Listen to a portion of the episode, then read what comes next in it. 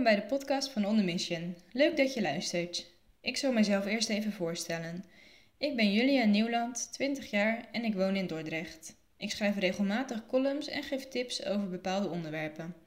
In deze aflevering neem ik jullie mee in de vraag: Ik pieker de laatste tijd veel. Hoe kan ik positiever leren denken? Nou, wat is piekeren nu eigenlijk?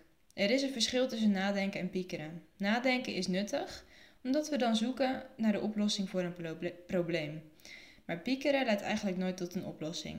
Is dat heel erg? Vraag je je af? Nee, iedereen piekert wel eens. Het hoeft niet altijd negatief te zijn. Een beperkte mate van piekeren kan je voorbereiden op moeilijke situaties. Het wordt pas een probleem wanneer die negatieve gedachten niet meer tot stilstand komen en het je gaat belemmeren in je dagelijkse bezigheden. Ik bedoel hiermee dat er bij overmatig piekeren vaak een cirkel ontstaat. Doordat je s'nachts bijvoorbeeld ligt te malen, slaap je slechter. Daardoor kan je overdag prikkelbaarder zijn, je gespannener voelen en minder goed de dag doorkomen. En daar kan je dan ook weer over gaan piekeren. Nou, die cirkel is gelukkig te verbreken. Het begint ermee dat je je bewust wordt van het feit dat piekeren niet helpt en dat piekergedachten vaak rampgedachten zijn die je overschat. Je maakt bijvoorbeeld op je werk een foutje en vreest dan gelijk dat je je baan verliest. Verder zijn we geneigd om piekergedachten weg te drukken, maar dit werkt vaak averechts. Het is meestal zinvoller om er op een andere manier mee om te gaan. Stel je negatieve gedachten bijvoorbeeld voor als wolken. Merk ze op, maar oordeel er niet over. Laat ze gewoon voorbij drijven zonder je erdoor mee te laten slepen. En vraag je vast af hoe je dan ook zelf positiever kan leren denken?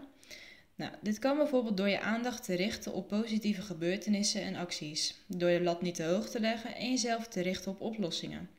Het bijhouden van een positief dagboekje kan hierin helpen. En hoe we dan echt kunnen stoppen met het piekeren?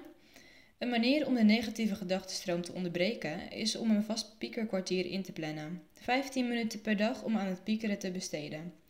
Telkens wanneer een piekergedachte zich aandient, bewaar je dat voor het ene kwartier. Kies een tijdstip, een vaste plek en zet gewoon een wekker.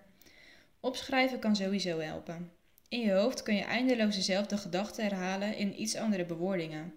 Op papier zie je sneller dat het steeds dezelfde gedachte is, alleen in een ander jasje. Nog een tip: ga na of het probleem waarover je nadenkt op te lossen is. Zo niet, dan heeft het misschien ook geen zin om er eindeloos over door te malen.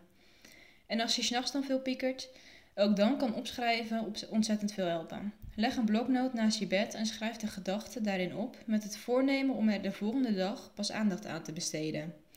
S'nachts lijken de dingen vaak sowieso groter. Grote kans dat je zorgen de volgende dag veel minder relevant lijken.